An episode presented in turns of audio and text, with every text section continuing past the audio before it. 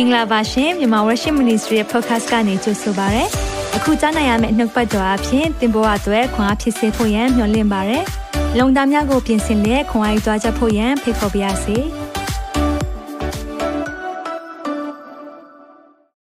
မင်္ဂလာပါ Shalom Church တင်းသူတင်းသားတွေအားလုံးတွေ့ရလို့ဝမ်းသာတယ်ကျွန်တော်အသင်းတော်လို့ပြောလာတဲ့အခါမှာတော်တော်များများကဘာပဲသွားမြင်လဲဆိုတော့နေရန်လေးဖက်ထဲမှာရှိတဲ့ နေရာလေးကိုအသင်းတော်လို့ထင်ကြတယ်။ဆိုင်းဘုတ်တစ်ခုအောက်မှာရှိတဲ့ဟာကိုအသင်းတော်လို့ထင်ကြတယ်။တကယ်တော့ယုံကြည်သူသားသမီးများအားလုံးစုဝေးနိုင်တဲ့နေရာသည်အသင်းတော်ဖြစ်တယ်။အာမင်။ဒါကြောင့်မြန်မာ worship သည်အသင်းတော်ဖြစ်တယ်။သင်သည်ဖခင်ရဲ့သားသမီးကျွန်တော်တို့ရဲ့မြန်မာ worship မိသားစုဖြစ်တယ်။ဒါကြောင့်ရောက်စီတိုင်းကိုဒီနေရာကနေကြိုးဆိုတယ် signs of the times ခေတ်ကာလရဲ့နမိတ်တွေเนาะနမိတ်တွေ အများကြီးကျွန်တော်တို့ပတ်ဝန်းကျင်မှာဖြစ်နေပြီ။ဒါမဲ့ဓာတ်တွေကိုသင်သိလား။ဓာတ်တွေကိုကြည့်ပြီးတော့ဆင်ခြင်မိသလားဒီနေ့မှာဒါကိုကျွန်တော်တို့အထူးလေ့လာသွားပါမယ်။ဝန်ခံနေကြအရာလေးကျွန်တော်ဝန်ခံရင်းနဲ့အစပြုအောင်။နှုတ်ကပတ်တော်သည်ကျွန်ုပ်ချီရှိမှာမိခွက်ဖြစ်၍ကျွန်ုပ်လမ်းကြီးကိုလင်းစေပါ၏တစ်ခါလောက်ဝန်ခံပါအောင်နှုတ်ကပတ်တော်သည်ကျွန်ုပ်ချီရှိမှာမိခွက်ဖြစ်၍ကျွန်ုပ်လမ်းကြီးကိုလင်းစေပါ၏ကဘာကြီးကတော့မှောင်နေပြီ တဖြည်းဖြည်းမှောင်နေပြီယူရိုပ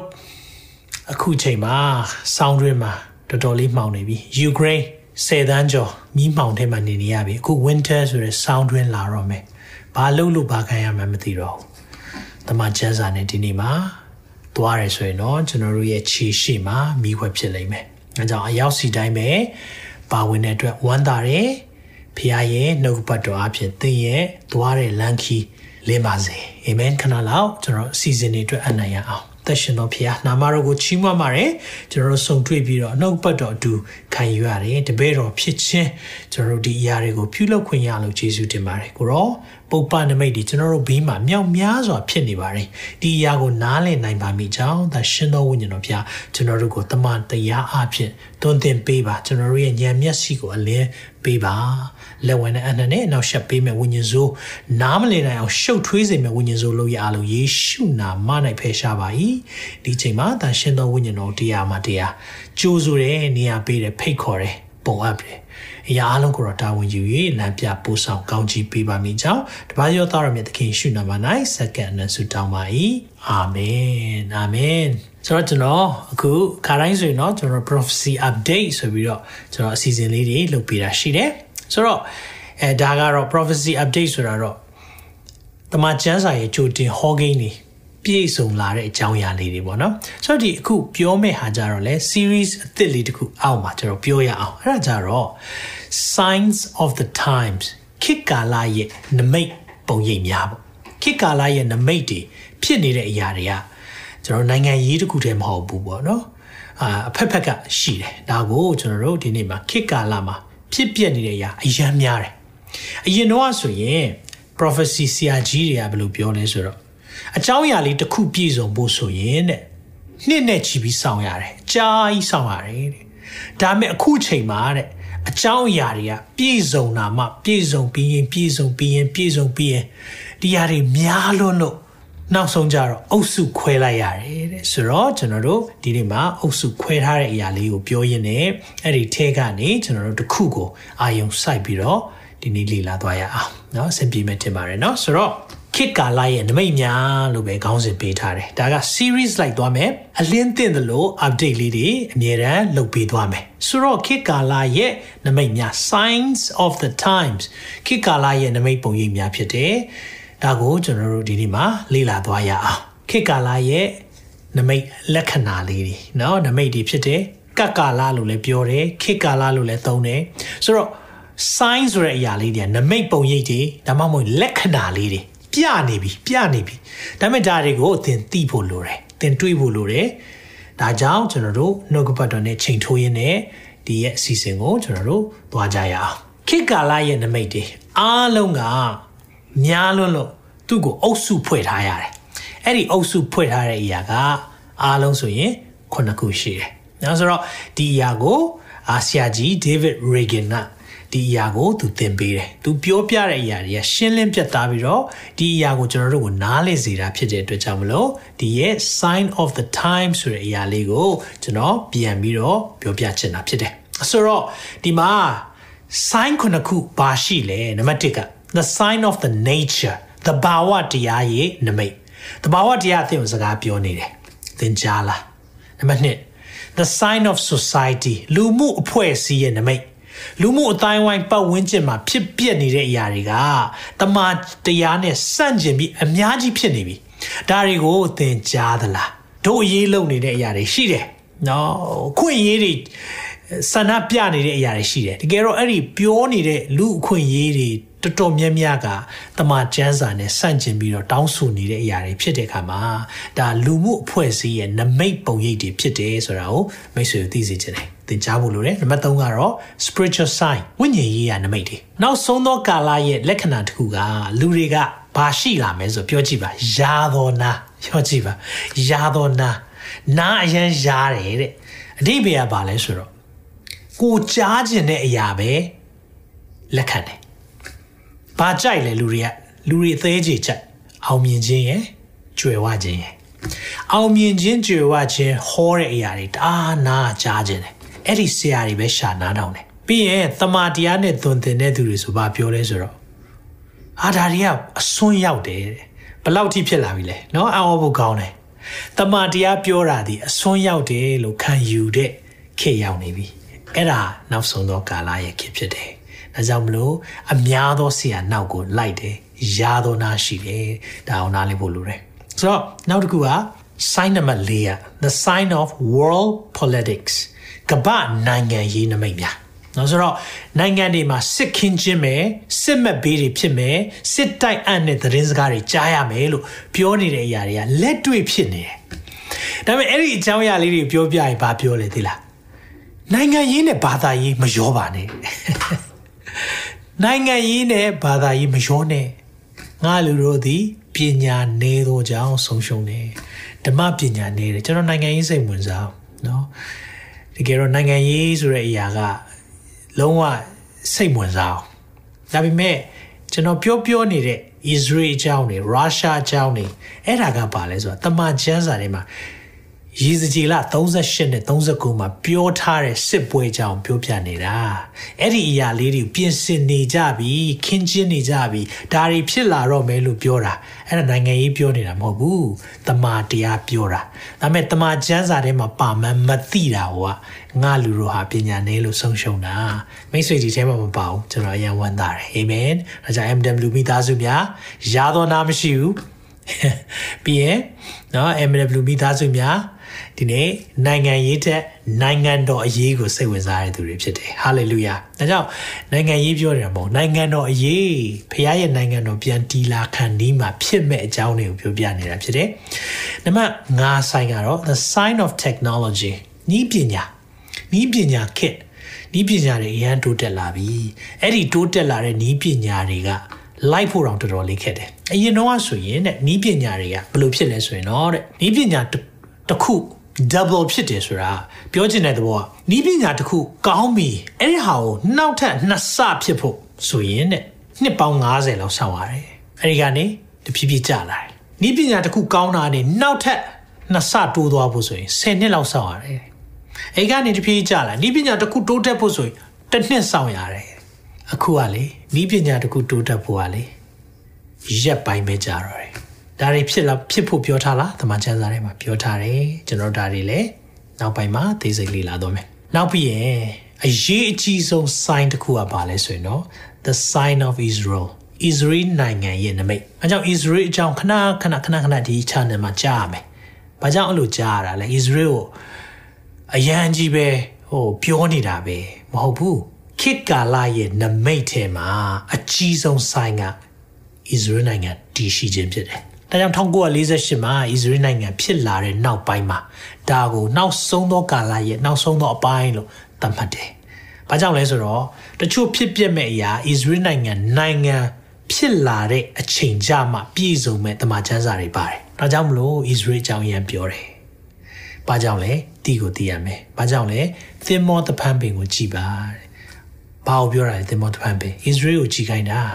တင်မောတပန်းပင်နဲ့ပတ်ဝန်းကျင်အသစ်ပင်နဲ့ဆိုတော့ဒါကြောင့်မလို့တင်မောတပန်းပင်ပြီးရင်ဘေးကနိုင်ငံတွေအကြောင်းခဏခဏပြောတယ်နိုင်ငံရေးပြောတာမဟုတ်နိုင်ငံတော်အရေးပြောနေတာ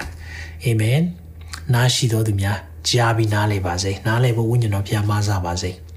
အဲဒါဆိုရင်နံပါတ်9ဆိုင်းအောင်အဲ့ဒါကတော့ခုနပြောခဲ့တဲ့ဆိုင်း6ခုလုံးတပြိုင်နက်တည်းဖြစ်နေပြီအရင်တော့ဆိုရင်ဆိုင်းတစ်ခုခုဖြစ်ဖို့အကြာကြီးဆောင်ရတယ်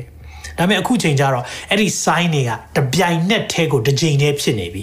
ပြောချင်တာပါလေသခင်ယေရှုပြန်လာတော့မယ်ဟာလေလုယာသခင်ယေရှုပြန်လာတော့မယ်သခင်ယေရှုသခင်ရဲ့ချီဆောင်ခြင်းချိန်နီးလာလေလေဒီအရာလေးတွေကပို့ပို့ပြီးတော့ပြည့်စုံလာတာကိုပို့ပြီးတွေ့ရလိမ့်မယ်ဒါကြောင့်မိတ်ဆွေကိုဒီနေ့မှလည်းနားလည်ဖို့ဒီဒီနေ့ပြောမယ့်အကြောင်းအရာဒီခေတ်ကာလရဲ့နမိတ်တွေဖြစ်တယ်သင်ကိုစကားပြောနေတာ နော်ဒါကြောင့်ဒီအရာလေးကိုဒီနေ့မှာဆက်လက်ပြီးတော့လည်လာသွားရအောင်ဆိုတော့ဒီနေ့ကျွန်တော်ဘာကိုအာယုံစိုက်ချင်လဲဆိုတော့ဒီအားလုံးနော်ခုနပြောခဲ့မဲ့အကြောင်းအရာအားလုံးခုနှစ်ခုလုံးဒီနေ့မှာပြောဖို့ရန်အတွက်အချိန်လောက်မှာမဟုတ်เนาะဆိုတော့ဒါပေမဲ့ဒါ series ဖြစ်တဲ့အခါမှာကျွန်တော်အလင်းသင့်တယ်လို့မကြာခဏပြောသွားပေးမယ်ဆိုတော့ဒီနေ့ focus လုပ်ချင်တာ the sign of the nature the ဘာဝတရားရဲ့နမိတ်ဆိုတဲ့အရာ ပြောပြချင်တယ်เนาะဆိုတော့တဘာဝတရားရဲ့နမိတ်ဆိုတော့အားလုံးဒီထဲမှာမကြာခဏကြားကြားနေရမယ့်စကားတစ်ခုရှိတယ် global warming ဆိုတာကြားလား climate change ဆိုတာကြားလားကြားရတယ်เนาะ global warming ဆိုတဲ့စကားတို့ climate change တို့နောက်ပြီးတော့ green တို့ဟလာ green ဒီဟာလေးတွေမကြာခဏကြားလိုက်မယ်ဒီအတွက်ကိုပဲလှုပ်ရှားမှုတွေအများကြီးရှိနေတယ်။ဘာကြောင့်လဲ။သူတို့ကသိထားတယ်။ တဘာဝတရားဆိုးဆိုးလာတယ်။ဒါပေမဲ့သူတို့ကဘယ်လိုခံယူလဲ။ဒီဆိုးဆိုးလာတာပုတ်ပတ်နမိတ်လို့မခံယူဘဲနဲ့ဘယ်လိုခံယူလဲဆိုတော့ဒါကငါတို့လူတွေအားလုံးစ조사စုပေါင်းပြီးတော့ထိမ့်သိမ်းရမယ့်အရာလို့မြင်တယ်ဆိုတော့အခုချိန်မှာကျွန်တော်တို့ရေလွှမ်းမိုးတဲ့အရာတွေတွေ့ရတယ်အာအစာရေခေါင်းပါတဲ့အရာတွေတွေ့ရတယ်ဒါဆိုရင်တမချန်းစာကာလတော့အောင်ဒါတွေရှိခဲ့လားရှိတာပေါ့ယောသတ်မှတ်မိလားအီဂျစ်မှာဘီရင်ခံမဖြစ်ခင်မှာအိမ်မက်မက်တယ် ခုနှစ်နှစ်အစာရေစာပြေးဝမယ်ဝါပြောကြွယ်ဝမယ်ပြီးတော့ခုနှစ်နှစ်အစာရေစာခေါင်းပါတယ်တဲ့ဆိုတော့ခေါင်းပါခြင်းဆိုတာအဲ့ကလေးကရှိလားရှိတယ်နောက်ပြီးရင်ကျွန်တော်ကျမ်းစာတွေမှာကြည့်တဲ့အခါမှာအာဗြဟံဆိုလဲဘာဖြစ်လဲစိုက်စာခေါင်းပါလွန်းလို့အီဂျစ်ကိုသွားနေရတဲ့အချိန်ရှိတယ်။ထိုနည်း၎င်းပဲ Prophet Elia လက်ထက်မှာလဲမိုးမိုးမရွာတာ၃နှစ်ခွဲတဲ့။ဆိုတော့အဲ့ကလေးက global warming ရှိတာလား။မဟုတ်ဘူး။ ဖယားရဲ့အနောက်ွယ်ကနေလှုပ်ဆောင်ခြင်းတွေရှိတယ်။ဒါကိုကျွန်တော်တို့ဒီနေ့မှာတမန်ကျမ်းစာနဲ့ချိန်ထုံးမယ်ပြီးရင်အဲကျွန်တော်လက်ရှိဖြစ်ပွားနေတဲ့အရာလေးတွေလည်းကြည့်ရအောင်။ဒါလေးတွေမြင်တွေ့တဲ့အခါမှာသင်ဒီနေ့မှာဝိညာဉ်ရေးရမှာအိပ်ပျော်နေတယ်ဆိုရင်လန့်နိုးလာမယ့်အချိန်ဖြစ်တယ် အာမင်ဒါမဲ့ကျွန်တော်ယုံကြည်တယ်မြန်မာ worship မိသားစုအားလုံးဒီဝိညာဉ်ရေးရမှာအမြဲတမ်း alert ဖြစ်တယ်အမြဲတမ်းနိုးကြားနေတယ်ကြည်နေတယ်သခင်ပြန်လာမယ့်အချိန်ကိုမျှော်လင့်နေတယ် hallelujah ဖျာရှင်ကောင်းကြည့်ပြပါစေဆက်လက်ပြီးတော့ကျွန်တော်တို့ကြည့်ရအောင်လူကာ21အရာလေးကိုအရင်ဖတ်ခြင်းနဲ့ငွေ7မှာအရရက်တို့၌ကြီးစွာသောမြေလှုပ်ခြင်းအစာခေါင်ပါခြင်းကာလနာများခြင်းတို့သည် ဖြစ်ကြလိမ့်မည်မိုးကောင်းကင်၌လည်းကြောက်မဖွယ်သောအရာနှင့် ကြီးစွာသော ပုပ္ပနမိတ်တို့သည် ပေါ်ထွန်းကြလိမ့်မည်ဒီအရာလေးကပြည့်စုံခဲ့ပြီးပြီပြည့်စုံနေစေဖြစ်သလိုပြည့်စုံအောင်မယ်ပိုပိုပြီးများလာမယ်ကာလနာများတယ်ကြုံပြီးပြီလားကြုံတာပေါ့အခုချိန်အထိကိုမပြီးနိုင်သေးဘူး COVID-19 เนาะ COVID ဆိုတဲ့အရာကကာလနာဖြစ်တယ်ဒါဒီအရာကို 2019နှစ်ဆုံးကနေစပြီးကျွန်တော်တို့ရင်ဆိုင်ရတယ်2020မှာတော်တော်များများပြန်သွားပြီ21 20တောက်လျှောက်ပိတ်တယ်21တောက်လျှောက်ပိတ်တယ်ခု22မှာတော့မှနည်းနည်းလေးပြန်ဖွင့်ပေးတဲ့ကာလပဲရှိသေးတယ်ဒါပေမဲ့တရုတ်ပြည်မှာဆိုအခုချိန်ထိပိတ်ထားတော့မယ်နော် zero covid policy ဆိုတော့ပျောက်မလားဆိုပြီးတော့သူတို့ကပိုးပိတ်ပြီးဖမ်းတဲ့သဘောမျိုးပေါ့ပိုးသေးသွားတော့မှပဲလူကိုပြန်လွှတ်ပေးမယ်ဆိုတဲ့သဘောလောက်တာဒါပေမဲ့မရအောင်။ဘာကြောင့်မရလဲခလာနာများမယ်လို့တမန်ကျမ်းစာပြောတဲ့ခါမှာ များပြီဒါမဲ့ဒီနောက်ွယ်မှာလည်းနော်ဒါတွေကပျောက်သွားမလားနော်အခုချိန်မှာစစပြီးတော့ဖြစ်နေတဲ့အရာတွေနော်ပြီးရင် monkey pox တွေထွက်လာတဲ့အရာလေးတွေရှိတယ်နော်ဆိုတော့ဒီအရာလေးတွေထက်ဆိုးတဲ့ကာလနာလည်းဖြစ်ကောင်းဖြစ်နိုင်တယ်နော်ဖြစ်မယ်လို့တော့မပြောဘူးဖြစ်ကောင်းဖြစ်နိုင်တယ်ဘာကြောင့်လဲဆိုတော့ကာလနာများမယ်လို့ပြောထားတဲ့အတွက်ကြောင့်မလို့ဒါတွေကဖြစ်ကိုဖြစ်ရမယ့်အရာတွေဖြစ်တယ်နော်ဆိုတော့ဒီကာလထဲမှာကျွန်တော်အသက်ရှင်နေတယ် တရားပုပ်ပနမိတ်တွေတဘာဝတရားကကျွန်တော်တို့ကိုသင်ပေးနေတဲ့အရာတွေဖြစ်တယ်ပြောပြနေတဲ့အရာတွေဖြစ်တယ်ဒါကြောင့်ကြည့်ရအောင်ဆိုတော့ကျွန်တော်ဘာကိုကြည့်ကျင်လဲဆိုတော့2022ထဲမှာတဘာဝဘေးအန္တရာယ်တွေဘလောက်တောင်မှကြုံခဲ့ရလဲဒါလေးကိုတစ်ချက်လေ့လာရအောင်เนาะတဘာဝဖြစ်တဲ့အရာလေးတွေဆိုတော့ကျွန်တော်တို့တချို့ကြားမယ်အခုလက်တလောပဲเนาะဖြစ်သွားတဲ့အရာ2022မှာအင်ဒိုနီးရှားမြေငလင်လှုပ်တဲ့အရာဒါဖြစ်သွားတယ်တဘာဝတရားအသင်းကိုစကားပြောလားပြောတယ် ပြီးရင်เนาะ US မှာ tornado ဆိုတာလေဆင်နှမောင်းတိုက်သွားတာများเนาะအကုန်လုံးတစ်ပင်နေပါအမြင့်ကနေပြုတ်ထွက်တဲ့အထီကိုဖြစ်တဲ့အရာတွေဒါတွေဖြစ်သွားတယ်2022မှာเนาะ2022အတွင်းမှာဒီနှစ်ထဲမှာပဲပြီးရင်တော့ Atlantic Hurricane Season မှာเนาะအမတန်မှာပျက်စီးဆုံးရှုံးမှုများတဲ့အရာ နိုင်ငံပေါင်းများစွာမှာဖြစ်တယ်။နိုင်တနိုင်ငံထဲမှာမဟုတ်ဘဲနဲ့နိုင်ငံပေါင်းများစွာမှာဖြစ်သွားတယ်။ဒါလေးကိုကျွန်တော်တို့တွေ့ရတယ်။နောက်ပြီးတော့တရုတ်ပြည်မှာမြင်းကလေးလှုပ်တဲ့အရာမြေကြီးလှုပ်ခြင်းပြောထားတယ်အရဲရဲတွန်းနိုင်မြေကြီးလှုပ်ခြင်းခုနအင်ဒိုနီးရှားမှာလှုပ်တယ်ခုတရုတ်ပြည်မှာလှုပ်တယ်ပြီးရင်ပါကစ္စတန်မှာနော်နိုင်ငံရဲ့သုံးပုံနှစ်ပုံလောက်ကရေအောက်ရောက်သွားတယ်ဘယ်လောက်ထိဆိုလဲနော်2022မှာ ဒီနိုင်ငံရဲ့ရေလွှမ်းမှုချက်သူတို့နိုင်ငံရဲ့သမိုင်းမှာအကြီးမားဆုံးတရားတစ်ခုဖြစ်နေတယ်။တရားတွေမြင်တွေ့ရတယ်။ကိုညီနိုင်မှုလှုပ်ဖို့ရန်အတွက်တောင်မှတော်တော်လေးခက်ခဲတဲ့အခြေအနေတွေတွေ့ရတယ်။ဒါ2022အခုနှစ်เนาะအခုမှဖြစ်ပွားနေတဲ့အရာတွေကိုကျွန်တော်ပြောနေဖြစ်တယ်။ပြီးရင်တော့ US မှာပဲရေလွှမ်းမိုးမှုတွေဖြစ်တဲ့အရာเนาะ US ပဲမဟုတ်ပါဘူးကျွန်တော် Australia မှာရေလွှမ်းမိုးတဲ့အရာ အာဖြစ်လေဖြစ်တာရှိတဲ့မြို့တွေရှိပြီမဲ့တချို့ရေမလွှမ်းမိုးဖူးတဲ့မြို့တွေတောင်မှဩစတြေးလျမှာရေလွှမ်းမိုးတယ်နော်ကျွန်တော်တို့နေတဲ့နေရာနဲ့မလန့်မကမ်းမာတင်ကိုရေလွှမ်းမိုးပြီးတော့အင်မတန်မှမိသားစုတွေဒုက္ခရောက်ရတဲ့အရာတွေတွေ့ရတယ်2020မှာတဘာဝတရားရဲ့နမိတ်တွေဖြစ်တယ်ဒါတွေကျွန်တော်တို့ကိုပြနေတယ်ပြီးရင်နောက်ပြီးတော့ဒီနိုင်ငံတွေမှာ မီးလောင်တဲ့အရာတွေเนาะ wildfire ဆိုတဲ့အရာကတောမီလောင်တဲ့အရာတွေအမတန်မှများပြားတာလည်းတွေ့ရတယ်ဒီအရာတွေကလည်းတနိုင်ငံထဲမှာဖြစ်တာမဟုတ်ဩစတြေးလျမှာဖြစ်သွားတဲ့အရာဆိုရင်တော့အရန်ကိုကြီးမားတယ်เนาะဟိုဘလောက်တောင်မှလောင်တာလဲဆိုတော့ဒီ space ဆိုတဲ့ဒီအာကာသကနေလှမ်းကြည့်ရင်တော့မှမီးလောင်တာကို တွေ့နေရတဲ့အခြေအနေဖြစ်သွားတယ်ပြီးရင်ကယ်လီဖိုးနီးယားเนาะမီလောင်ခြင်းအမြဲတမ်းကြုံနေရတဲ့အရာဒါပါလဲတဘာဝတရားရဲ့နမိတ် sign of the time เนาะဒါတော့ကျွန်တော်တို့ကတခုတည်းပဲပြောရသေးတယ်เนาะအုပ်စုနံပါတ်1အုပ်စုလေးပဲပြောရသေးတယ်ဒါမှတော့မှကြည်လိုက်တဲ့အခါမှာအင်မတန်မှကြောက်မက်ဖွယ်ကောင်းတဲ့အရာတွေတွေ့ရတယ်ပြီးရင် Afghanistan earthquake တခါတည်းနဲ့ထောင်ကျော်သေးသွားတာเนาะဒါလေးတွေကျွန်တော်တွေ့ရတဲ့အခါမှာဘာတွေ့ရလဲเนาะခုန China မှာလှုပ်တယ် Indonesia မှာလှုပ်တယ် အာဖဂန်နစ္စတန်မှာလှုပ်တယ်ဒါကတအားကြီးတဲ့အရာတွေပဲကျွန်တော်ယူထားပေးတာဖြစ်တယ်လှုပ်တဲ့နေရာတိုင်းဆိုရင်တော့များလိုက်တာများတယ်เนาะဒါပေမဲ့ဒီနေရာမှာလှုပ်သွားတဲ့ဟာတွေက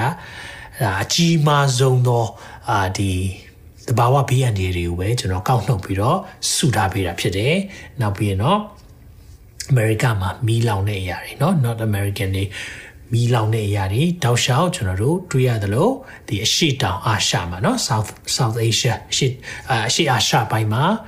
ဒီအိန္ဒိယနဲ့ဘင်္ဂလားဒေ့ရှ်ဘက်မှာလည်းရေလွှမ်းမိုးမှုတွေအကြီးကျယ်ဖြစ်တယ်။ဘာပြောတာလဲ။သဘာဝတရားအသိအောင်စကားပြောနေတယ်။သင်ကြားလား။မိတ်ဆွေကြားလား။သဘာဝတရားကဘာကြီးငိုကြွေးနေတယ်။ဘာငိုကြွေးနေတာလဲ။ तू သိနေပြီ။ကဘာကြီးမှာရှိတဲ့အရာတွေပြတ်သုံးတော့မယ်ဆိုတဲ့အရာကဘာကြီးကငိုကြွေးနေပြီ။ ဒါမဲ့ယုံကြည်သူတွေဒီချိန်မှာဒါတွေကိုနားလည်ရအောင်တည်င်းကတော့ပြောလိမ့်မယ်ဒါကအာ CO2 ထုတ်တာများလွန်းလို့ကာဗွန်ဒိုင်အောက်ဆိုက်ထုတ်တာများလွန်းလို့ဖြစ်တယ်ဟဟလားဒါကြောင့်မလို့တဲ့ဘာပြောလဲဆိုတော့ဒါကြောင့်မလို့တဲ့ကျွန်တော်စီသုံးနေတဲ့အရာတွေအားလုံးဆင်ခြင်ပြီးတော့တဲ့လျှက်စစ်ကားတွေထုတ်တော့မယ်တဲ့သိလားအဲ့ဒီလျှက်စစ်ကားထုတ်ဖို့ရန်အတွက်ရဖို့ဘက်ထရီလောက်ရတာပိုပြီးတဘာဝတည်းပတ်ဝန်းကျင်ကိုညဉ့်ညမ်းစေတယ်အဲ့ဒီဘက်ထရီကလည်းနှစ်ပေါင်းခဏ အနှင်းငယ်သုံးပြီးရင်သုံးလို့မရတော့အဲ့ဘက်ထရီကိုစွန့်ပစ်တဲ့ဥစ္စာကပိုပြီးတောင်ဆိုးအောင်မယ်ဒါမဲ့သူတို့ကဘာပြောလဲစီရပြဿနာဖြစ်တယ်စီရပြဿနာဖြစ်တယ်မဟုတ်ဘူးအဲ့ဒါနိုင်ငံရေးတွေနိုင်ငံရေးတွေအများကြီးပါတယ်ဒါကြောင့်သတင်းဖြစ်နိုင်ရင်เนาะသတင်းကြည့်ခြင်းနဲ့ပတ်သက်ပြီးတော့အာမင်းသားကြီး Denzel Washington ပြောတဲ့အရာလေးသိတဲ့ဘောကြတာပဲအဲ့ဒါတော့သတင်းကြည့်ခြင်းမကြည့်ခြင်းအကြောင်းပြောတာပေါ့ သတင်းကြည့်လားပေါ့နော်သတင်းမကြည့်ဘူးလားဆိုတဲ့ဟာနဲ့ပြောတော့သတင်းမကြည့်ဘူးဆိုရင်တဲ့ you are တဲ့ uninformed တဲ့သင်ဟာတဲ့သတင်းမရဘူးတဲ့သတင်းမရ uninformed ဆိုတာကတော့ဟိုသတင်းအကြောင်းမသိရဘူးပေါ့သတင်းမကြည့်လို့သတင်းကြည့်ရင်ဟောဆို you are misinformed တဲ့ပြောချင်တဲ့ဘောသတင်းကြည့်တဲ့ခါကျတော့တဲ့မင်းမှားယွန်းစွာသတင်းပေးလိုက်မယ်တဲ့ဆိုတော့မကြည့်ရင်ကြတော့သတင်းမရဘူးတဲ့သတင်းမသိရဘူးတဲ့ ကြည့်တဲ့ခါကျတော့သတင်းမှားရတယ်တဲ့ဆိုတော့ဒီဟာလေးကြားတဲ့ခါမှာတော့အရန်စင်ကြရမယ့်အရာဖြစ်တယ်နော်ဆိုတော့သတင်းဌာနတွေကလည်းတစ်ဖက်စောင်းနေနေဖြစ်ကုန်ပြီသူတို့ကြိုက်တဲ့ဘက်ကနေတင်ပြတဲ့အရာဖြစ်ပြီကျွန်တော်ဘာကြောင့်ပြောနိုင်လဲကျွန်တော်သတင်းသမားတယောက်လုပ်ခဲ့တာဖြစ်တယ်ဒါကြောင့်မလို့ကောင်းကောင်းသိတယ်သတင်းဌာနတွေရဲ့လှုပ်ဆောင်မှုကဘယ်လောက်ထိလူတွေကိုရိုက်ခတ်နိုင်လဲလွှမ်းမိုးနိုင်လဲဆိုတာသိတယ်ဒါကြောင့်သတင်းကြည့်ရင်တော့မှ ကျွန်တော်တို့ကဘယ်လိုကြည့်ရမလဲတစ်ဖက်ကသမာကျမ်းစာကိုဂိုင်းထားရမှာပေါ့အာမင်တစ်ဖက်ကသတင်းစာဂိုင်းထားရမယ်အဲ့ဒါမှကျွန်တော်တို့ဖြစ်ပျက်နေတဲ့အရာနဲ့ဖခင်ရဲ့နှုတ်ဘတ်တော်ဘာပြောနေတယ်လဲချိန်ထိုးနိုင်မှာဖြစ်တယ်အာမင်ဒါကြောင့်ကျွန်တော်တို့ဒါတွေဘာကြောင့်ပြောတာလဲလုကာ7ထဲမှာဒီအကြောင်းသိရတယ်လုကာ7အငယ်54နဲ့55 55 56ထိဖတ်ချင်ပါတယ်ကက်ကာလာကိုသိခြင်းတဲ့တဖန်လူစုဝေတို့အမိန်တော်မူသည်က ပြောပြီးသခင်တင်းတို့သည်အနောက်မျက်နှာ၌မိုးရိပ်တက်သည်ကိုမြင်သောအခါမိုးရွာမည်ဟုချက်ချင်းဆိုတတ်၏မိုးရိပ်လေးမြင်တာမိုးရွာတော့မယ်တောင်းလေးလာသည်ကိုမြင်သောအခါနေပူမည်ဟုဆိုတတ်၏ဆိုသည့်အတိုင်းလည်းဖြစ်တတ်၏လှုပ်ဝက်တော်သူတို့ဒါပေမဲ့အခုနော်မိုးရိပ်လေးမြင်မိုးရွာမယ်တောင်းလေးလာရင်တော့အနေပူမယ်ဒီလိုပြောတဲ့သူတွေလှုပ်ဝက်တော်သူဆိုတာနော်ဒီလိုပြောတဲ့သူတွေခဏနားထောင်လိုက်အောင်သင်တို့ဒီ မြေကြီးဤမျက်နှာနှင့်မိုးကောင်းကင်မျက်နှာကိုပိုင်းခြား၍သိနိုင်ကြ၏ယခုကပ်ကာလကိုအဘယ်ကြောင့်ပိုင်းခြား၍မသိနိုင်ကြသနည်းတခင်ပြောနေတာကျွန်တော်တို့မိုးလေဝသသတင်းနေဆိုရင်သိတယ်။အော်နေပူတော့မယ်။အော်မိုးရွာတော့မယ်။အော်မုန်တိုင်းလာတော့မယ်။ဒါပေမဲ့တဲ့ ဘာမသိဘူးလေ။ဘာမသိဘူးလဲဆိုရင်တော့အခုမသိတာကတ်ကာလာကိုဘာကြောင့်ပိုင်းခြားပြီးမသိတာလဲ။တနည်းအားဖြင့်ပြောချင်တာကတဘာဝတရားရဲ့နမိတ်ကိုမမြင်ဘူးလား။ဒီတဘာဝတရားရဲ့နမိတ်တွေကတမန်ကျမ်းစာပြည့်စုံခြင်းနဲ့သူ့ရဲ့ပြန်လာခြင်းကိုရည်ညွှန်းနေပြီဆိုတာကိုမမြင်ဘူးလားလို့ပြောချင်တာ။ဒါကျွန်တော်တို့ကိုပြောနေတာ။ဒါကြောင့်ကျွန်တော်နားလည်ရမယ်ကတ်ကာလကိုပိုင်းခြားပြီးသိရဒါကြောင့်ဒီကတ်ကာလခေတ်ကာလ နမိတ်တွေကိုလေ့လာတဲ့အခါမှာသင်ပို့ပြီးတော့နားလည်လာလိမ့်မယ်ဖြစ်ပျက်နေတဲ့အရာအားလုံးဟာတမန်ကျမ်းစာထဲမှာပြောထားတဲ့အတိုင်းဖြစ်နေတယ်ဆိုတာကိုသင်နဲ့ကျွန်တော်သိဖို့လိုတယ်ကျွန်တော်ဒီဘလောက်ပျက်စီးတယ်လဲပေါ့နော်2022အတွင်းမှာပျက်စီးဆုံးရှုံးမှုနဲ့တဘာဝဘေးအန္တရာယ်ကြောင့်ပျက်စီးဆုံးရှုံးမှုတွေအားလုံးအခုအချိန်ထိเนาะဒီမှာဆိုရင်ဒီသတင်းကိုကြည့်တဲ့ချိန်တော့ဒါသူတို့ September လလောက်အထိပေါ့เนาะမှတ်တမ်းလုပ်ထားတာဆိုရင် 29 billion dollar เนาะကုန်ကျစရိတ်တွေအာတန်ပေါင်း3000နီးပါးလောက်เนาะတန်3000နီးပါးဒေါ်လာတန်3000နီးပါးလောက်ပျက်စီးဆုံးရှုံးမှုတွေရှိနေပြီမနေဘူးเนาะဒါတွေအများကြီးပြန်လေထူထောင်ရေးလုပ်ငန်းတွေလူတွေအိုးမဲ့အိမ်မဲ့အဲเนาะပျက်စီးတဲ့အရာတွေတည်ဆုံးတဲ့အရာတွေရှိတယ်ဒီချိန်ထဲမှာပဲအဲ့ဒီနောက်ွယ်မှာအများကြီးအာအိုးမဲ့အိမ်မဲ့ဖြစ်တဲ့အရာတွေလူတွေအများကြီးဒုက္ခရောက်တဲ့အရာတွေကြုံရတယ် ဆိုတော့ဒီမှာเนาะဒါ September လ January ကနေ September လအထိသူတို့ဖြစ်ပျက်တဲ့အရာလေးတွေเนาะကုန်ကြတဲ့ဥစ္စာလေးတွေသူတို့တွက်ထားတာပေါ့เนาะဆိုတော့အဲ့လိုမျိုးတွက်ထားတဲ့အခါမှာဘာတွေတွေ့ရလဲเนาะအမှအကြီးဆုံးဆိုရင် Hurricane Ian နော်အဲ့ဒါဖြစ်သွားတာ US နဲ့ Cuba မှာဖြစ်တဲ့အရာဆိုရင်အဲ့ဒီမာတင်ကိုဘီလီယံဒေါ်လာ20ကျော် အဲ့ဒီမာတင်ကိုသွားပြီကျန်တဲ့ဟာတွေက1ဘီလီယံတို့2ဘီလီယံတို့เนาะအားလုံးအများကြီးရှိပါတယ်အဲ့ဒီမှာတွေ့တဲ့အရာတွေအားလုံးပေါင်းကြည့်မယ်ဒါဆင်းရဲချုပ်လို့မရသေးဘူးမပြီးသေးဘူးလေเนาะနှစ်ကဒါပေမဲ့ယုံကြည်ပါတယ်ဒီချက်ဆိုးဝါးလာမဲ့အရာတွေမဖြစ်ဖို့ကျွန်တော်တို့မျှော်လင့်ပါတယ်ဒါပေမဲ့ဒီချိန်ထဲမှာပဲ ဒါကကဘာကြီးကငိုကြွေးရဲ့ကဘာကြီးငိုကြွေးတဲ့ပုပ္ပနမိတ်တွေဖြစ်တဲ့အခါမှာဒါတွေကိုကျွန်တော်တို့မြင်ကိုမြင်ရမယ့်အရာတွေဖြစ်တယ်ဆိုတော့ဒါလေးကိုတစ်ချက်ကြည့်ပေးပါဒါကြတော့1980ကနေ1920ဆိုဒီဒီခုအခုကာလအထိရော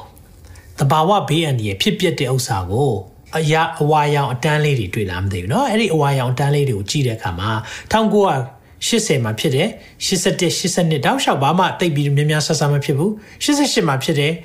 ကြီးတဲ့ခါမှာတိတ်အဲ့ဒီမှာနှစ်တိုင်းလို့လို့ဖြစ်လာတာတွေ့ရတယ်ပြီးတော့2000ခုနှစ်လောက်နောက်မှာနည်းနည်းလေးပြန်ကျင်သွားတယ်ပြီးတော့2004ကနေစပြီးတော့ဖြစ်တဲ့ဟာတွေကပို့ပြီးတော့မြင့်တက်လာတွေ့လားမြင့်လာတယ်နောက်ပြီးရင်2010တောက်လျှောက်အဲ့ဒီမှာဆိုရင်နှစ်တိုင်းကြီးပါဖြစ်ပြီးတော့ဖြစ်ပျက်တဲ့ဟာနဲ့ကုန်ကြစရိတ်တွေကပိုပိုပြီးတော့ကြီးမားလာတာကိုတွေ့ရတယ်ပုံကြည့်လိုက်ပါအဲ့ဒါဘာကိုတွေ့ရလဲဒါက birth pain လို့ခေါ်တယ်ကိုဝင်ဆောင်မိတ်မိခင်ရဲ့နာကျင်တဲ့ဒီကလေးမွေးခါဒီမှာနာကျင်တဲ့ဟာနဲ့တမန်ကျမ်းစာတွေကခိုင်းနိုင်ထားတယ်ဆိုတော့ကလေးမွေးကန်ဒီမှာပိုနာကျင်လာမယ်ပိုစိတ်လာမယ်ပိုပြီးခံစားရမယ်ဒါကိုပြောထားတာဖြစ်တယ်ဒါကြောင့်ပိုပြီးကောင်းလာဖို့အခြေအနေမရှိဘူးပိုပြီးဆိုးဖို့ပဲရှိတယ်ဒါစိတ်တကြစရာလားမဟုတ်ဘူးကျွန်တော်တို့မှာမင်္ဂလာရှိတဲ့မျှော်လင့်ရာရှိသေးတယ်အဲ့ဒီအကြောင်းလည်းကျွန်တော်တို့ပြီးကြရင်ပြောသွားမယ် Europe ဆိုရင်အခုဥရောပနော်အခုဆိုရင်တော့ gas price တွေအများကြီးတက်တော့မယ်ယူရိုကအေးခဲသွားဖို့ပဲနော်အခုယူကရိန်းနဲ့ရုရှားဖြစ်တဲ့စစ်ကြောင်းယူယူရိုကတော်တော်လေးခံစားရမယ်ဂျာမနီဆိုရင်အခုချိန်မှာနော်အများကြီးကန့်သတ်မှုတွေရှိတယ်ကျွန်တော်အချိန်နှဲသွားတဲ့အတွက်ဒီဟာအများကြီးမပြောတော့ဘူးရေချိုးတာတော့မှသူတို့ကကန့်သတ်ချက်ရှိတယ်အေးပေးဆက်နော်လေအေးပေးဆက်ဒီဆိုရင်ကြိုက်တယ်လို့ဖွင့်ခွင့်မရှိတော့ဘူးပြီးရင်အပူချိန်ဒီဂရီတောင်မှဘလောက်ပဲထားရတော့မယ်ဆိုတဲ့အရာလေးတွေအခုချိန်မှာလုံနေပြီ။ဘာကြောင့်လဲ။ energy စွမ်းအင်မလုံလောက်တော့ရုရှားစီကနေ gas နဲ့ စီတွေမရတဲ့ခါမှာမလေပတ်နိုင်တော့ဘူးအဲ့လိုဖြစ်လာတဲ့ခါမှာအခုအင်မတန်မှ Europe ကဒုက္ခရောက်မယ်အဲကြောင့်ဥရောပမှာနေတဲ့သူတွေအထူးဆူတောင်းပါကျွန်တော်လည်းအထူးသတိရဆူတောင်းနေမယ်သင်တို့အများကြီးဒီရဲ့စောင်းရသည်ကိုခက်ခဲစွာဖြတ်တန်းရလိမ့်မယ်ဒါပေမဲ့ဒီအရာဖြတ်တန်းလို့တဲ့အချိန်မှာဖះပုံမှာစိတ်မပြတ်နဲ့ တမန်ကျမ်းစာအကျိုးပြောထားပြီးသားဖြစ်တယ်။ဒီချိန်ထဲမှာကျွန်တော်တို့ရဲ့မင်္ဂလာရှိတဲ့မျှော်လင့်ရာပြန်လာတော့မယ်ဆိုတာကိုသင်သိဖို့ဖြစ်တယ်။အာမင်။ဒီအရာလေးကျွန်တော်တွေ့တဲ့အခါမှာတော်တော်လေးလည်းအောသွားတာပေါ့နော်။ဒါဩဂတ်စ်လတုန်းကအာဒီတယောက်ကဒီ Twitter မှာတင်ထားတဲ့အရာပေါ့။ဆိုတော့အရင်တုန်းကသူတို့ဥရောပမှာဒီ hunger stones လို့ခေါ်တာပေါ့နော်။ဒါပြောချင်တဲ့အဓိပ္ပာယ်ကဘာလဲဆိုတော့ ဒီငတ်ပြက်ချင်းကြောက်တုံးနေလို့ဆိုတာကဒီရေသူကမြင့်မြင့်ဒီမြစ်ကမ်းနားမှာရှိတဲ့ကြောက်တုံးတွေပုံမှာပေါ့နော်သူကစာထွင်းထားတာဆိုတော့အကယ်၍သာရေကဒီအောက်ကိုရောက်သွားပြီဆိုရင်အကယ်၍ဒီရေးထားတဲ့စာသာပေါ်လာပြီဆိုရင်အဲ့မှာအဲ့ဒီစာကဘာရေးထားလဲဆိုတော့1616တုန်းကတဲ့ရေးထားတယ်လို့ပြောတယ်အဲ့ဒါက if you see me တဲ့ငါ့ကိုတွေ့တယ်ဆိုရင် cry တဲ့ငိုကြွေးပါတဲ့ ဘာကိုပြောချင်တာလဲဆိုရေကအဲ့ဒီအောက်ကိုမကျသွားသင့်ဘူးဒါ1916တုန်းကလောက်ခိုက်လောက်ခဲ့တဲ့အရာကြီးကအခုချိန်မှာအိတ်ကြောက်တုံးကြီးကရေတွေခမ်းတော့ပေါ်လာတယ်နော်အဲ့ဒီခမ်းသွားတဲ့အရာပေါ်လာတဲ့အရာကိုမြင်တွေ့တဲ့အခါမှာတော့ cry ငိုကြွေးပါတဲ့ပြောချင်တာချီနေဆိုးပြီလို့ပြောတာဒါပေမဲ့ကျွန်တော်တို့က cry cry out to god နောင်တတရားနဲ့ဘုရားထံမှာတိုးဝင်ခြင်းကံဖို့ဖြစ်တယ်ဟာလေလုယာဒါလေးကိုမြင်တွေ့တဲ့အခါမှာဘာလေးကိုပြောပြချင်တယ်ရာဇဝင်ကျုပ်ပထမဆုံးအခန်းကြီး7ထဲမှာဒီအရာလေးအင်မတန်မှကျွန်တော်တို့အတွက်ကောင်းကြီးဖြစ်တဲ့အရာဖြစ်တယ်လို့လူနည်းစုရှိတဲ့အရာလည်းဖြစ်တယ်31မှာဒါဝိဒ်ကိုရှင်ပြည်အရာ၌ချီးမြှောက်ခြင်းကစီးရင်ဝင်သောမနာရှေအမျိုးတဝက်ထဲကလူ18000ပြီးရင်32ကိုကျွန်တော်အာယုံစိုက်ခြင်းနဲ့အချိန်ကာလတို့ကို နားလေ၍ဤသေးလအမျိုးသည်အဘယ်သို့ပြုတင်သည်ကိုသိတတ်သောဤတခါအမျိုးသားတကြီးနေရတဲ့အဲ့ဒီဤတခါအမျိုးသားတွေယာကုပ်ရဲ့သား12ယောက်ထဲမှာတယောက်ကဤတခါအဲ့ဤတခါအမျိုးသားတွေရတဲ့အချိန်ကာလကို နားလည်ပြီးတော့တဲ့ဘာလုပ်ရမလဲဆိုတာသိတယ်တဲ့ hallelujah son of issachar ဤတခါ ရဲ့သားများဤတခသမီးများဖြစ်ဖို့လိုတယ်ကျွန်တော်ယုံကြည်ပါတယ်မြန်မာ worship မိသားစုများဟာဤတခအမျိုးတွေဖြစ်တယ်အချိန်ကာလကိုသိနေတယ်ဒါဖြစ်နေပြီဆိုရင်ဒါဖြစ်တော့မယ်ဒါဒါတွေပေါ်လာပြီပုပ္ပနမိတ်တွေတွေ့နေပြီအဲကြောင့်သဘာဝတရားရဲ့ sign တွေကိုသင်နဲ့ကျွန်တော်မြင်တွေ့နေတဲ့အခါမှာဤတခအမျိုးသားတွေလိုပဲဘာဆက်လုပ်ရမလဲဘာလုပ်ရမလဲဆိုတာကိုတည်တော်သူများဖြစ်ဖို့ဘုရားရှင်ထူကောင်းကြည့်ပေးပါစေအာမင်ဒါလေးကိုကျွန်တော်တွေ့တဲ့အခါမှာ အင်မတန်မှခွန်အားဖြစ်တယ်အာမင်ကျွန်တော်စိတ်ပြတ်သွားဖို့မဟုတ်ဘူးဘာကြောင့်လဲရှင်မသက်24တဲ့မှာသခင်ကကျွန်တော်တို့အတိအကျပြောထားတဲ့အရာလေးရှိတယ်ခန့်ငယ်ခွန်မှာတမျိုးလူတမျိုးနဲ့တမျိုးတနိုင်ငံနဲ့တနိုင်ငံရံပတ်ပြူကြလိမ့်မည်ဖြစ်နေပြီလားဖြစ်နေတယ်ဖြစ်နေစေခုလက်ရှိဖြစ်ပွားနေတဲ့အရာအရေးရတို့၌အစာခေါင်းပါခြင်းယူကရိန်းစစ်ပွဲကြောင့် အာဒီ grain ဆိုရဲเนาะဒီတင်ပို့မှုတွေเนาะဂျုံစပါး ဂျုံနေစံနေတင်ပို့မှုတွေအင်မတန်မှလျှော့နေတဲ့ခါမှာဒီနိုင်ငံတွေကိုမီတင်းနေနေထိုင်ကြရတယ်ဒီရဲ့ပို့ကုန်တွေပေါ်မှာပဲစောင့်နေကြတယ်သွင်းကုန်တွေပေါ်မှာစောင့်နေကြတဲ့နိုင်ငံတွေကဒုက္ခရောက်လာတယ်စာခေါင်းပါတယ်ကာလနာများတယ်မြေကြီးလှုပ်ခြင်းတို့ဖြစ်ကြလိမ့်မည်ထိုမှုရာတို့သည်ဒုက္ခဆင်းရဲခြင်းဤအစအဦးပဲဖြစ်သည်ဒါတွေမြင်တွေ့ပြီဆိုဒုက္ခဆင်းရဲခြင်းအစပဲ အဲ့ဒါကိုဗာရေးထားလဲဆိုတော့အင်္ဂလိပ်ချမ်းစာနော် NIV မှာဘလို့ဘလို့ဘာသာပြန်ထားပြီလဲဆိုရင် all these things are the beginning of birth pains birth pains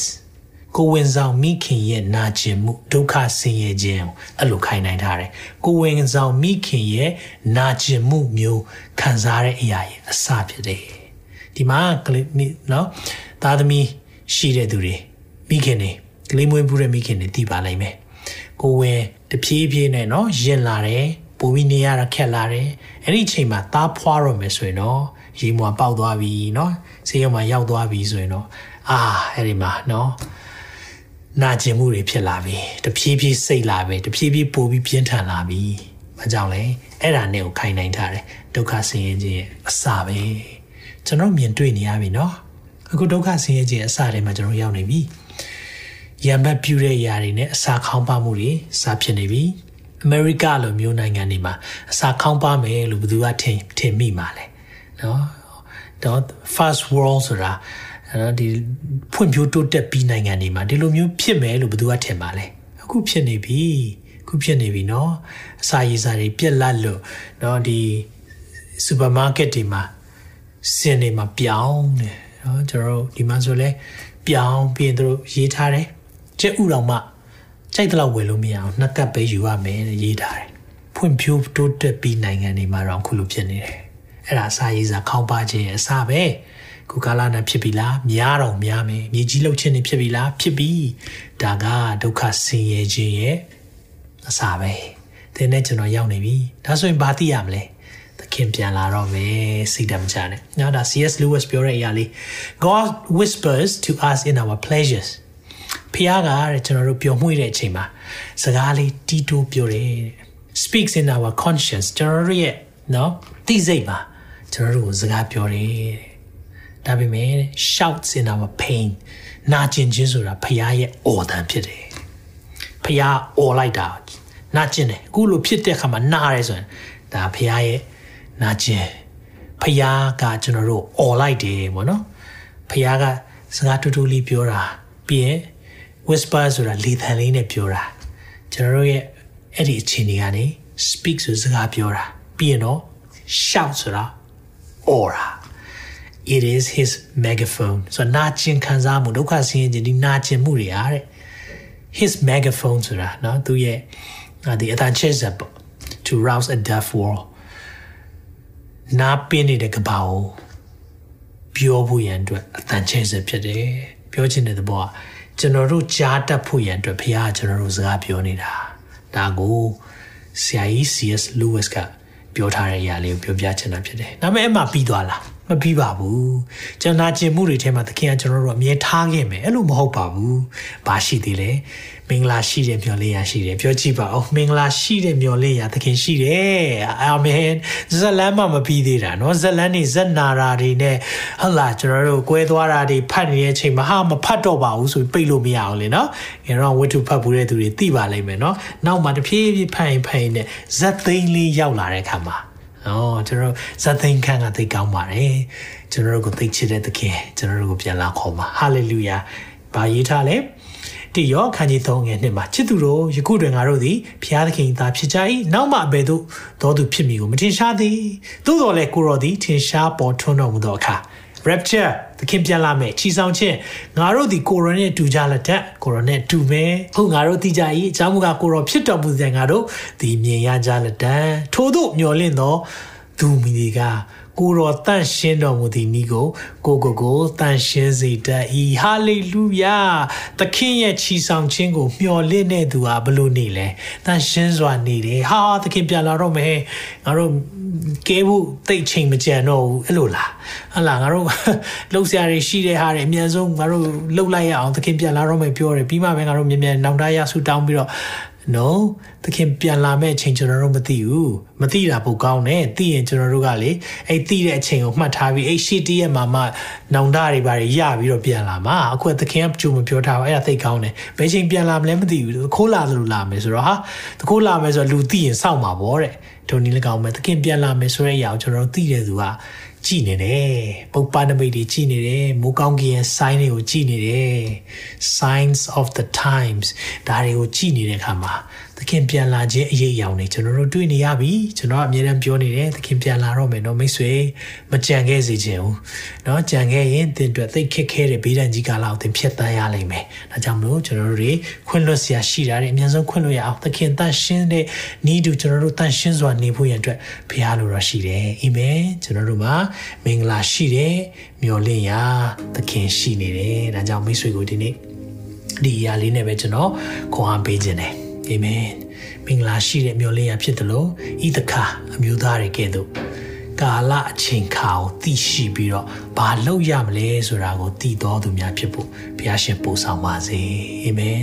သင်ရဲ့သက်တာပြင်ဆင်ပါဒီအရာတွေအသင်ကိုခြောက်တာလည်းမဟုတ်ဘူးဒီအရာတွေပြောပြီးသင်ကိုစိတ်ထဲကြောက်အောင်လုပ်တာလည်းမဟုတ်ဘူးကျွန်တော်တို့မင်္ဂလာရှိတဲ့မျိုးလေးရာ ကျွန်တော်ကတော့ဝမ်းသာတယ်အခုဖြစ်နေတဲ့အရာတွေမြင်တွေ့တဲ့အခါမှာသခင်ပြန်လာတော့မယ်ဆိုတဲ့စိတ်ကပိုပိုပြီးတော့ကြီးမားလာတယ်သခင်ကိုတွေ့ခြင်းစိတ်ကပိုပိုပြီးတော့အထဲကနေပိုပိုပြီးတော့ကြီးထွားလာတယ်မိတ်ဆွေဘယ်လိုခံစားရလဲကြောက်နေလားဒါဆိုသင်မသိချသေးလို့သခင်ပြန်လာတဲ့အခါမှာဒါတွေငါသခင်ရဲ့ချီဆောင်ခြင်းမှပါပါမလားဒါတွေမြင်တွေ့တာကြောက်လိုက်တာဆိုရင်ကျွန်တော်ဆူတောင်းပေးခြင်းနဲ့အဲ့ဒီဆူတောင်းချက်ကတော့လေ ရိုးရိုးရှင်းရှင်းလေးပဲတဲ့နှလုံးသားထဲမှာသခင်ကိုခေါ်ဖိတ်လက်ခံဖို့ဖြစ်တယ်။အဲကြောင့်ဒီနေ့အရန်ကြောက်တယ်မသိချဘူးဆိုရင်ဒီနေ့မှာအပြစ်နောင်တရပြီးတော့သခင်တန်လှည့်လာဖို့ဒီနေရာကနေတိုက်တွန်းပါတယ်။ကျွန်တော်ဆူတောင်းပေးခြင်းနဲ့ကျွန်တော်နောက်ကယေရှုပြည့်လိုက်ဆိုပေးပါသခင်ယေရှုခရစ်တော်ဖျားကျွန်ုပ်ဟာအပြစ်သားဖြစ်ပါတယ်။အပြစ်အားလုံးအတွက်ဒီကနေ့မှာနောင်တရပါတယ်။သခင်ပြန်လာတော့မယ်ဆိုတာဒီကနေ့မှာတတိပေးခြင်းခံရပါတယ်။ ဘဝမှာအမှားအားလုံးအတွက်လည်းဝင်ချတောင်းပန်ပါတယ်အပြစ်အားလုံးအတွက်လည်းဝင်ချတောင်းပန်ပါတယ်သခင်ရဲ့ချီဆောင်မဲ့နေ့ရက်မှာကျွန်ုပ်လည်းပါဝင်ပါရစေကျွန်ုပ်နှလုံးသားထဲမှာသခင်လာရောက်ပြီးတော့အုပ်ဆိုပါသခင်ယေရှုနာမ၌ဆုတောင်းပါ၏ အာမင်အာမင်အာမင်ကြောက်စရာမလိုမိတ်ဆွေမင်္ဂလာရှိတဲ့မျှော်လင့်ရာ blessed hope ရှိတယ်။သခင်ယေရှုကကျွန်တော်တို့အတွက်မင်္ဂလာရှိတဲ့အရာဖြစ်တယ်။ဒီအရာတွေဖြစ်ကိုဖြစ်မယ်။အခုပြောတဲ့ပုပ္ပနမိတ်တွေကကျွန်တော်တို့ကိုနှိုးနေတာ။သခင်ကကျွန်တော်တို့ကိုအော်ပြောနေတာ။နှိုးတာတဲ့စကားလေးတူတူလေးပြောတာမဟုတ်တော့ဘဲနဲ့အော်ခေါ်နေတာ။ David Kim နော်အိပ်ပျော်နေတဲ့အချိန်မှာ David Kim လို့အော်လိုက်တယ်လို့ပဲ။အဲ့လိုအော်လိုက်တဲ့အခါမှာလန့်သွားတယ်။တခါတည်းမှာဒီမြင်ရတဲ့ပိတ် ပုပ္ပနမိတ်တွေခေတ်ကာလရဲ့နမိတ်တွေရဲ့နာကျင်မှုတွေမြင်တဲ့အခါမှာကျွန်တော်တို့အော်နှိုးနေတာတခင်အာမင်။ဒါကြောင့်ဝိညာဉ်ရေးကမှနှိုးကြပြီးတော့ပတ်ဝန်းကျင်မှာရှိတဲ့သူတွေကိုယ့်ရဲ့မိသားစုတွေမောင်နှမတွေဆွေမျိုးတွေအားလုံးလည်းမင်္ဂလာရှိတဲ့မျှော်လင့်ရာကိုရရှိနိုင်ဖို့ရန်အတွက်လှုပ်ဆောင်တော်သူများဖြစ်စေပါလို့ဒီနေ့မှာတိုက်တွန်းခေါ်အားပေးပြီးတော့ဆုံးသက်ပါတယ်။သခင်ရှုဖျားနာမတော်ကိုချီးမွမ်းပါ၏ဒီနှုတ်ပတ်တော်အတွက်ကိုရောယေရှုတင်နေအ သက်တာမှာပြင်ဆင်စရာရှိတဲ့အရာများပြင်ဆင်နိုင်ပါမိကြောင်းကိုရောကျွန်တော်တို့ကိုခေါ်အားပေးပါဒီပုပ္ပနမိတ်တွေမြင်တွေ့တဲ့အခါမှာကြောက်လန့်ဖို့မဟုတ်ဘဲနဲ့မင်္ဂလာရှိတဲ့မျှော်လင့်ရာသခင်ပြန်လာတော့မယ်ဆိုတာကိုနားလည်ပြီးတော့အသက်ရှင်ဖို့ကိုရောတန့်ရှင်းတော်မူသည့်နည်းသူကိုကိုကိုတန့်ရှင်းစေတဲ့အတိုင်းပဲ holy living တန့်ရှင်းသောအသက်တာနဲ့အသက်ရှင်တော်သူများကိုရောရှိမှာအပြစ်တင် ခွင့်မရှိပဲအရေးတွန့်ခြင်းမရှိပဲသူတို့သမီးဝတ်စုံညဉ့်ညမ်းခြင်းမရှိပဲနဲ့အသက်ရှင်သောကိုရောရဲ့သားသမီးအသင်းသူအသင်းသားများဖြစ်ဖို့ရန်အတွက်ကိုရောကောင်းချီးပေးပါမိကြောင်းတပါးဒီတော်ရမည်သခင်ရှုနာမ၌စက္ကန့်နဲ့ဆုတောင်းပါ၏ အာမင်အာမင်ဖျာရှင်ကအထူးကောင်းချီးပေးပါစေကျွန်တော်ဆုတောင်းကောင်းချီးပေးပြီးတော့ဆုံးသက်ပါမယ်ထာဝရဘုရားဒီသင်ကိုကောင်းချီးပေး၍ဆောင်မတော်မူပါစေသောထာဝရဘုရားဒီသင်၌မျက်နာတော်အလင်းကိုလွှတ်၍ဂိူနာဂျေဇုပြုတော်မူပါစေသောထာဝရဘုရားဒီသင်ကိုမျှော်ကြည့်၍ချမ်းသာပေးတော်မူပါစေသောအရောက်စီတိုင်းဖျာရှင်အထူးကောင်းချီးပေးပါစေနောက်ထုတ်လွှင့်ချက်မှာပြန်လည်ဆုံတွေ့ပါအောင်မယ် God bless you တင်ခုလိုနာဆင်ခွန်အားနိုင်ခြင်းဟာမြန်မာ Worship Ministry ကိုလာဆင်ပန်ပိုးနေကြတဲ့ Kingdom Partners များအကြောင်းဖြစ်ပါတယ်။ဖျားခင်နိုင်ငံတော်ကျယ်ပြန့်ရေးအတွက်လာဆင်ပေးကမ်းပောင်းဖို့ရန်ဖိတ်ခေါ်လိုပါတယ်ရှင်